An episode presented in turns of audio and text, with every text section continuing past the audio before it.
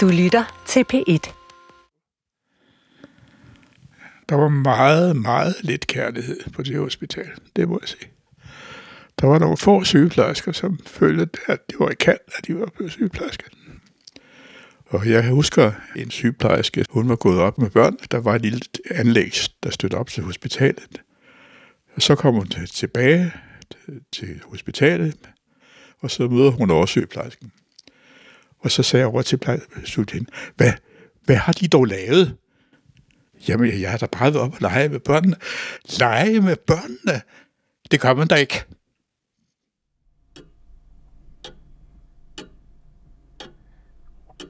Kurt, du sagde på et tidspunkt, da vi talte sammen i telefonen, og aftalte, at jeg skulle komme herud, ja.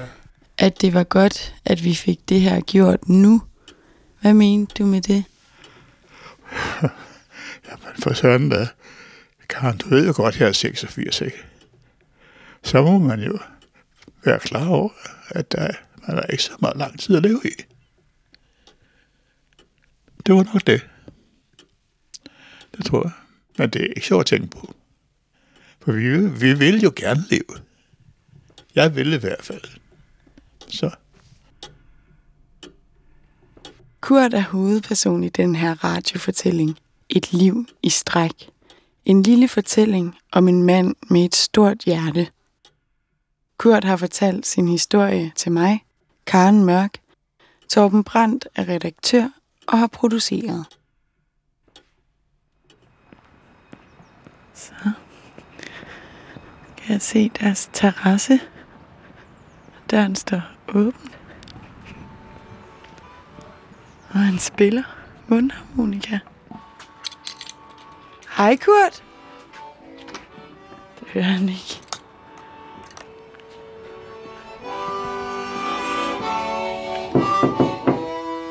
Hej Kurt. Hej. Hej. Jeg kommer herudefra. Hej. Hej, velkommen til. Tak. Velkommen til. Hvor jeg sidder- hyggeligt. Jeg sidder bare og spiller lidt. Og mundharmonika. Ja. Det lyder En dejligt. lille god en.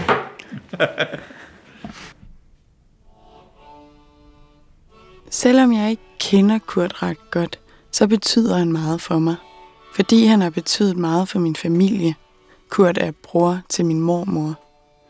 Og da min mor og moster var børn, og min mormor blev indlagt på et nervesanatorie, var det Kurt og hans kone Inge, der tog sig af dem.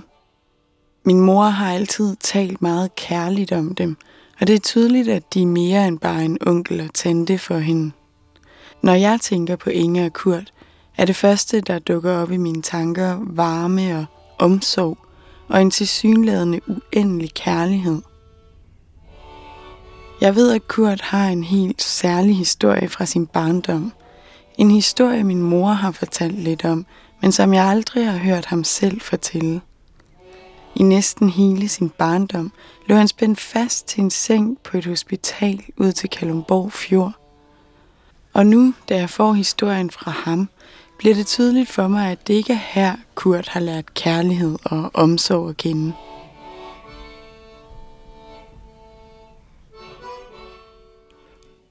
Har du styr på det, Karen? Jeg må sige, at jeg er ved at blive gammel mand. Jeg er lige blevet 86, samme dag som dig. Karen. Ellers så har vi det godt sådan set her. Øh, Jeg leder måske stadigvæk lidt efter det der hofte, jeg har haft forhold med hele mit liv. Og øh, mit problem er nu, at min kone har fået Alzheimer's. Og det gør jo, at jeg er blevet ung mand i huset her nu, som min kone siger. Og det gælder jo om at lave mad, og det gælder om at lave indkøb, og alt, hvad der ellers hører en husmor til, sådan set.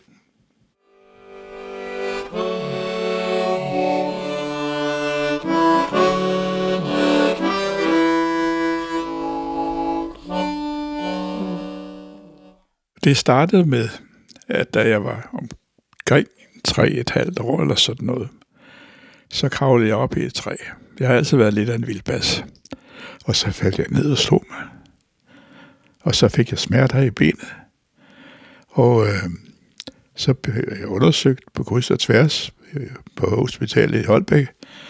Og de fandt ud af, at det var nok voksværk. Vokseværk. Og så lagde de mig i strække. Hvad vil det sige?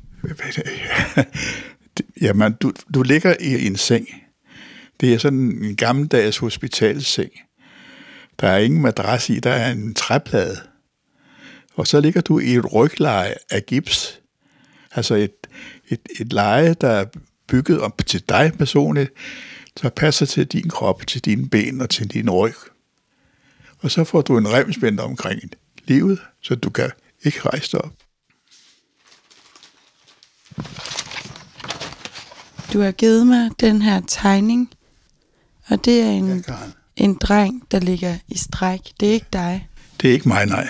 Men han ligger også i et leje, og så kan du se hans ben der. Der er sådan nogle gjorde, det vil sige sådan nogle ladestrimler, ned langs med benen, og så går de ud over der. Et hjul, hvor snoren går over, og så hænger løjet der. Det er simpelthen altså sådan et jernlod, der hænger i enden. Ja, ja, ja. Jeg så også så mange kilo, at de kunne skifte dem ud, ikke? Det er ikke mig, der har lavet tegningen. Jeg kan bare se, at jeg har skrevet på den. At det var sådan, jeg lå. Ja. Og der... Ja, jeg er lidt rørt. Det blev til et, et langt sygeleje.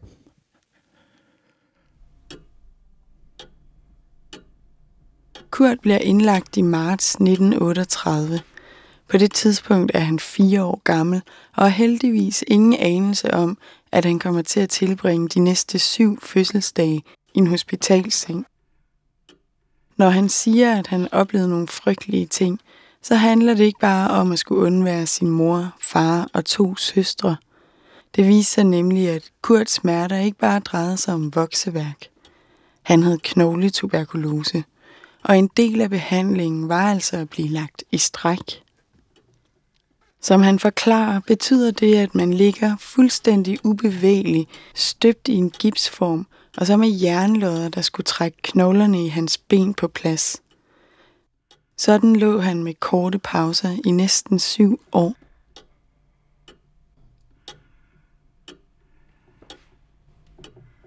Kan du huske, da du kom der til? Nej, jo, jo. Det kan jeg faktisk godt, meget godt huske. Øh, jeg blev lagt ind på en stue, hvor der var 12-14 små børn. Fra 3 til 7-8 år. eller Så, og de larmede. Og det kunne mine nerver ikke tage.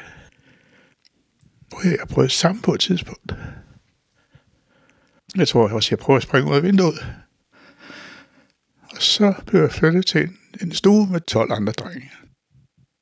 De var noget ældre end mig. Og så hjalp det. Det var forfærdeligt. Det synes jeg. Hvordan? Ja, hvordan forfærdeligt? Det er, at du ikke kan nogen ting. Du er tvunget til at ligge i sengen. Du bliver tvunget til at spise mad, som du ikke kan lide. Jeg ved ikke, om jeg har fortalt om det.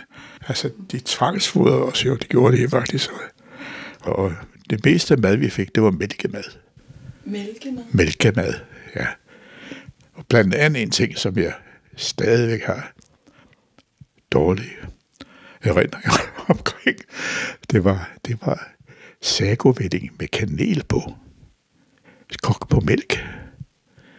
Og det der forbistrede kanel, det dannede jo skin. Og jeg havde ingen appetit. Så når de så skulle tage af bordet, ja, så øh, opdagede de, at de ikke havde spist noget. Så kom der en sygeplejerske og satte sig ved siden af mig. Og så skovlede hun en skefuld ind ad gangen, og den kom ud igen, og ind igen, og ud igen. Og til sidst, hvis jeg ikke kunne spise det, så blev jeg kørt på en stue. Og så kom jeg ikke tilbage til de andre drenge, før jeg spiste op. Ja.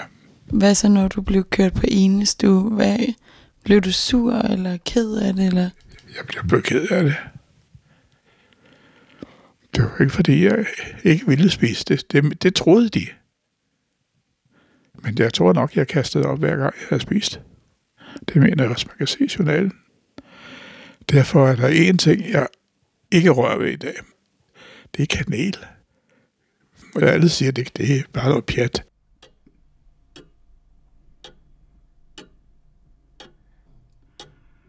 Men Kurt, nu, du er alene hjemme lige nu, ja. fordi Inge er i kirke. Yeah. Er der noget, du sådan skal ordne, eller har du noget, du sådan... Jeg skal lave noget mad til dig. Ja, Ja, hvad skal du lave? jeg skal lave indbagt laks. Det er så nemt. og så har jeg købt nogle rejer, vi skal have til at drysse ovenpå. Ja, det er mig, der står for madlaven. Som regel også om morgenen nu, at jeg op og laver morgenmad. Og det er en stor fordel også for Inge, for det, hun, er, hun er ikke kvik. Det er hun ikke om morgenen. Og, og jeg har altid været kvik om morgenen. Det, det er ikke mig at lægge sig, ikke? Har du aldrig kunne lide at sove længe? Nej, det synes jeg ikke. Nej. Nej. Men jeg kan huske tydeligt det der med, at man, jeg følte mig fanget på en eller anden måde. Bundet, bundet til sengen. Jeg var virkelig bundet. Heldigvis. Så var jeg ikke klar over, hvor mange år det kunne blive til. Jeg vil sige, at overlægen, han var et fint valg. Johannes Meyer. Når han kom på stuegang, så var det sådan, at han forlangte, at der skulle stå en stol ved hver patient, og vinduerne var åbne. Og så satte han og snakkede med os. Det var fint. Det kan jeg tydeligt huske. Det. Hvad talte de så om? Hvordan man havde det, og, og øh, udsigterne til snart at blive rask. Og, så. og han prøvede at trøste så godt han kunne. Det var der ikke nogen andre, der gjorde. Nej. Nej. Og til jul, så kom hans kone også med julegaver, de har købt til os. Men øh, personalet på Godkødshospitalet, der var, det var ganske få med af sygeplejerskerne, der var, der var søde. Det var kæft retning, det kan jeg godt sige det. Det var det. Og øh, der var ikke nogen kære mor og sygeplejersker, der kom og trøstede en. Nej, nej, nej. Det var jo sådan, at børn på det tidspunkt blev ikke regnet for noget som helst. De skulle bare være der, de skulle helst tige stille. Men øh, det er utroligt, hvad man vender sig til, øh, når man ligger der.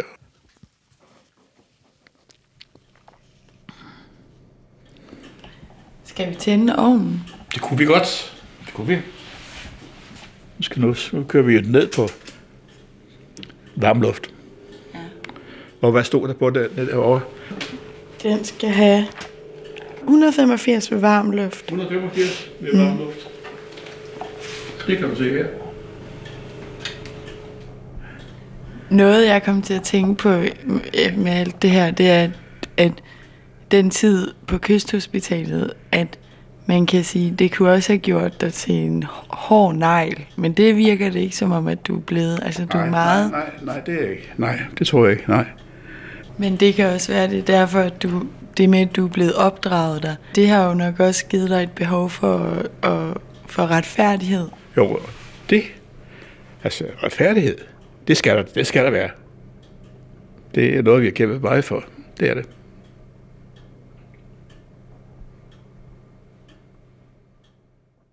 Hvad skal vi sige? Nå. Så. Hvad for et stykke vil du have? Jamen, det er lige meget. Du tager bare.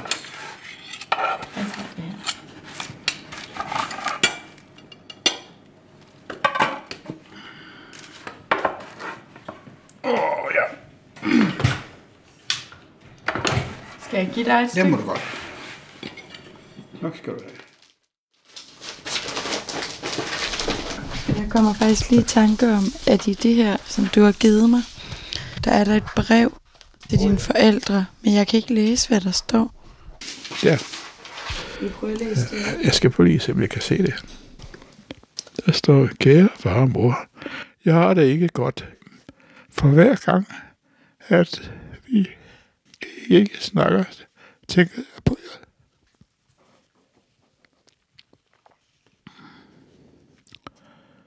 Men jeg bliver så ked af det, Og jeg skriver hver fredag. Hvad står der? Her er så kedeligt, og jeg vil hjem. Mange kærlige hilsener fra Kurt Petersen. Ja.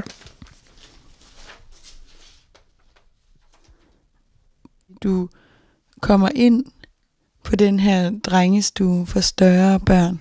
Hvordan så den ud? En stor stue med vinduer ud mod fjorden. Store vinduespartier. Og så, så øh, lå vi på rædder geled i sengene der, med hoved modsat vinduerne. Ja, det ved jeg ikke hvorfor, men det gjorde vi altså. Så vi kunne ikke følge med, hvad der skete rundt omkring. Så derfor fik vi jo lavet, jeg ved ikke, hvem der opfandt det, men når vi lavede nogle periskoper, ved du, du ved, hvad et periskop er, ikke? Det er sådan, når man kigger ind i, så kan man se op, og så går det øh, spejlet ud, så man kan se, hvad der foregår der. Og så lå vi der med ryggen til, til vinduerne, og så har vi det her lille periskop op, og så kunne vi se, hvad der foregik ud på fjorden. Det var spændende. Det var rigtig spændende. Især da Kalmborg røg på en mine engang. For der var jo leben med redningsbåde, og jeg ved ikke, hvad alt omkring det. Der skete ikke noget videre, men alligevel. Men var I inde på den stue hele dagen?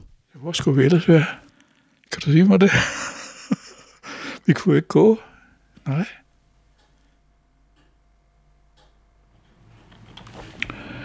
Der jeg har spillet på den der, siden jeg var stor dreng. Og der er sket nogle prisændringer.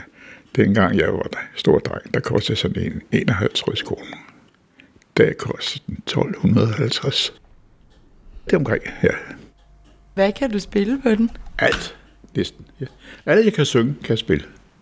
Inger og jeg, vi spiller hver aften en, et par aftensang. Tænk selv, hun har det alt sammen, så kan hun huske alle sangverser, så det kan jeg ikke. Så jeg spiller bare. Vil du prøve at spille en til? Ja, det kan jeg da godt. Det hedder Amazing Grace.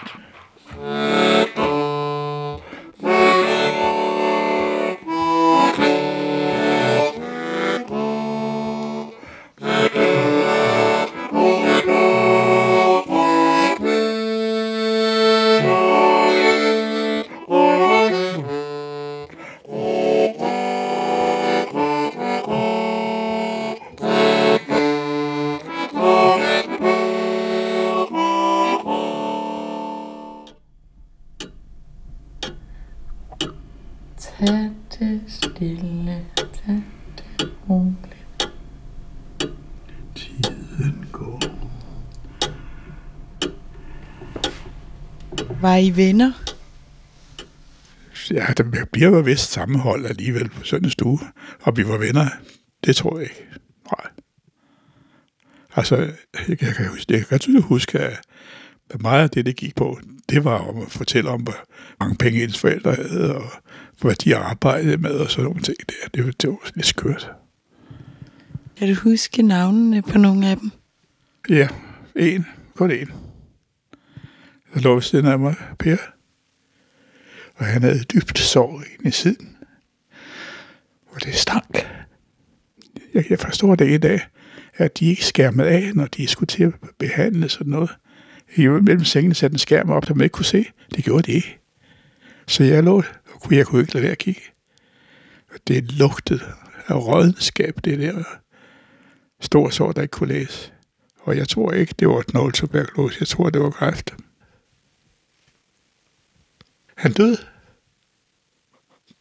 Det gjorde så indtryk på. Det gjorde. Kan du huske, hvad du følte, da du så på det? Ja, jeg tror nok, jeg tænkte på, om det kunne være mig. Det kunne det jo godt. Imens Kurt lå indlagt, besatte tyskerne Danmark, og det gjorde det besværligt for hans familie at komme på besøg. Når min far skulle besøge mig, det var gerne ham, der kom. Jeg ved ikke hvorfor. For så skulle han søge gennem politiet og den tyske værnemagt, om han kunne få lov til at rejse ned og besøge mig. Så kom der en tilladelse til, hvor der stod der, at han kunne rejse klokken der og det til Kalundborg, og så til Røsnæs ud og besøge sin søn. Og hjem igen klokken der og det. Ikke så tit. Men det skete, han kom på besøg, og det var jo en stor oplevelse for, for mig. Og jeg også fra, at jeg rendte op på hospitalet, drengene, der jeg lå sammen med der, der var nogle af dem, der var aldrig fik besøg. Tænkte du meget på, hvornår du ville komme hjem? Ja. Det tror jeg, jeg på altid.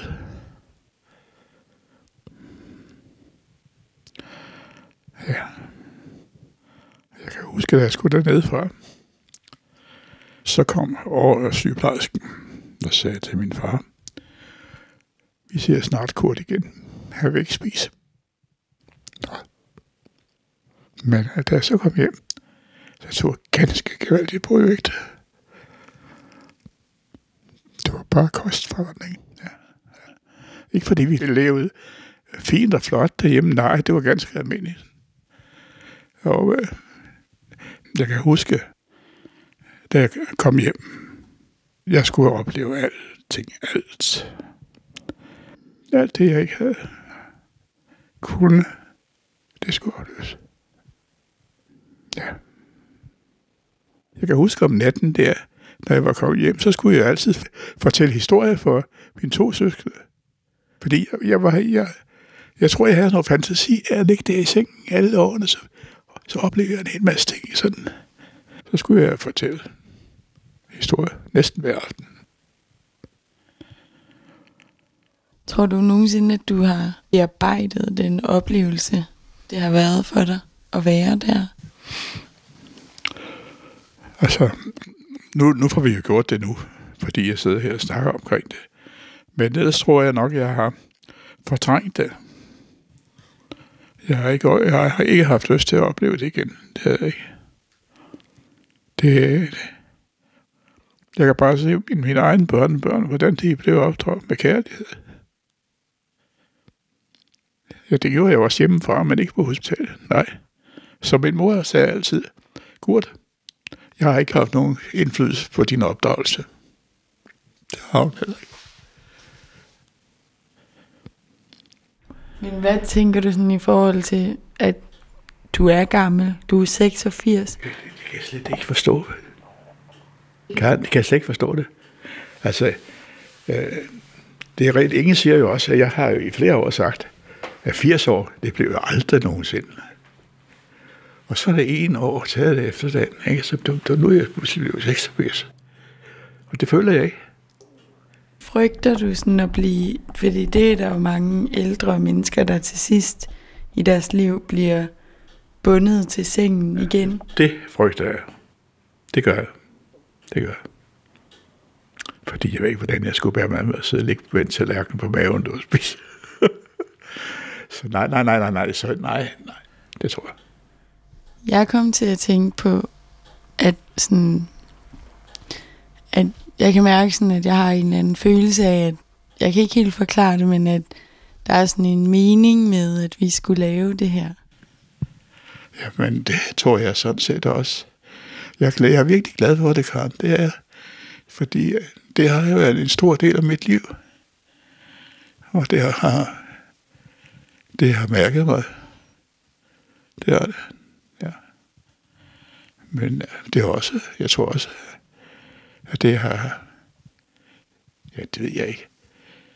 Men øh, jeg tror da faktisk, at jeg, jeg har gjort det der med, at jeg, jeg vil gerne hjælpe andre mennesker. Kan vi høre Inge ude i køkkenet? Hun hoster lidt, synes jeg. Ja, ja. Men, øh, ja.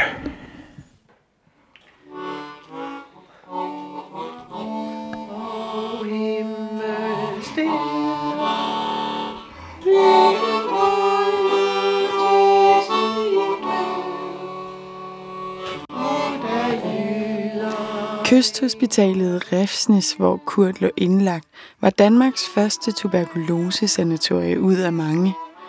Behandlingen kunne variere fra sted til sted, alt efter lægens overbevisning.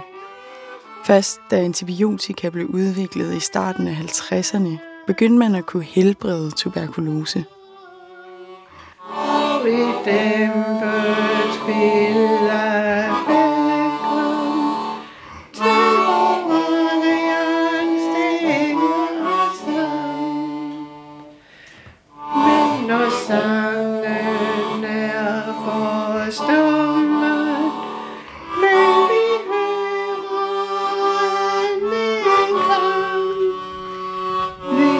klar fra himmelrummet.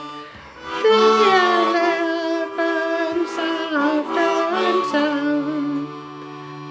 er i morgen Du har lyttet til radiofortællingen Et liv i stræk, tilrettelagt af mig, Karen Mørk, redaktør og producer Torben Brandt. og sin himmelflugt fornyer.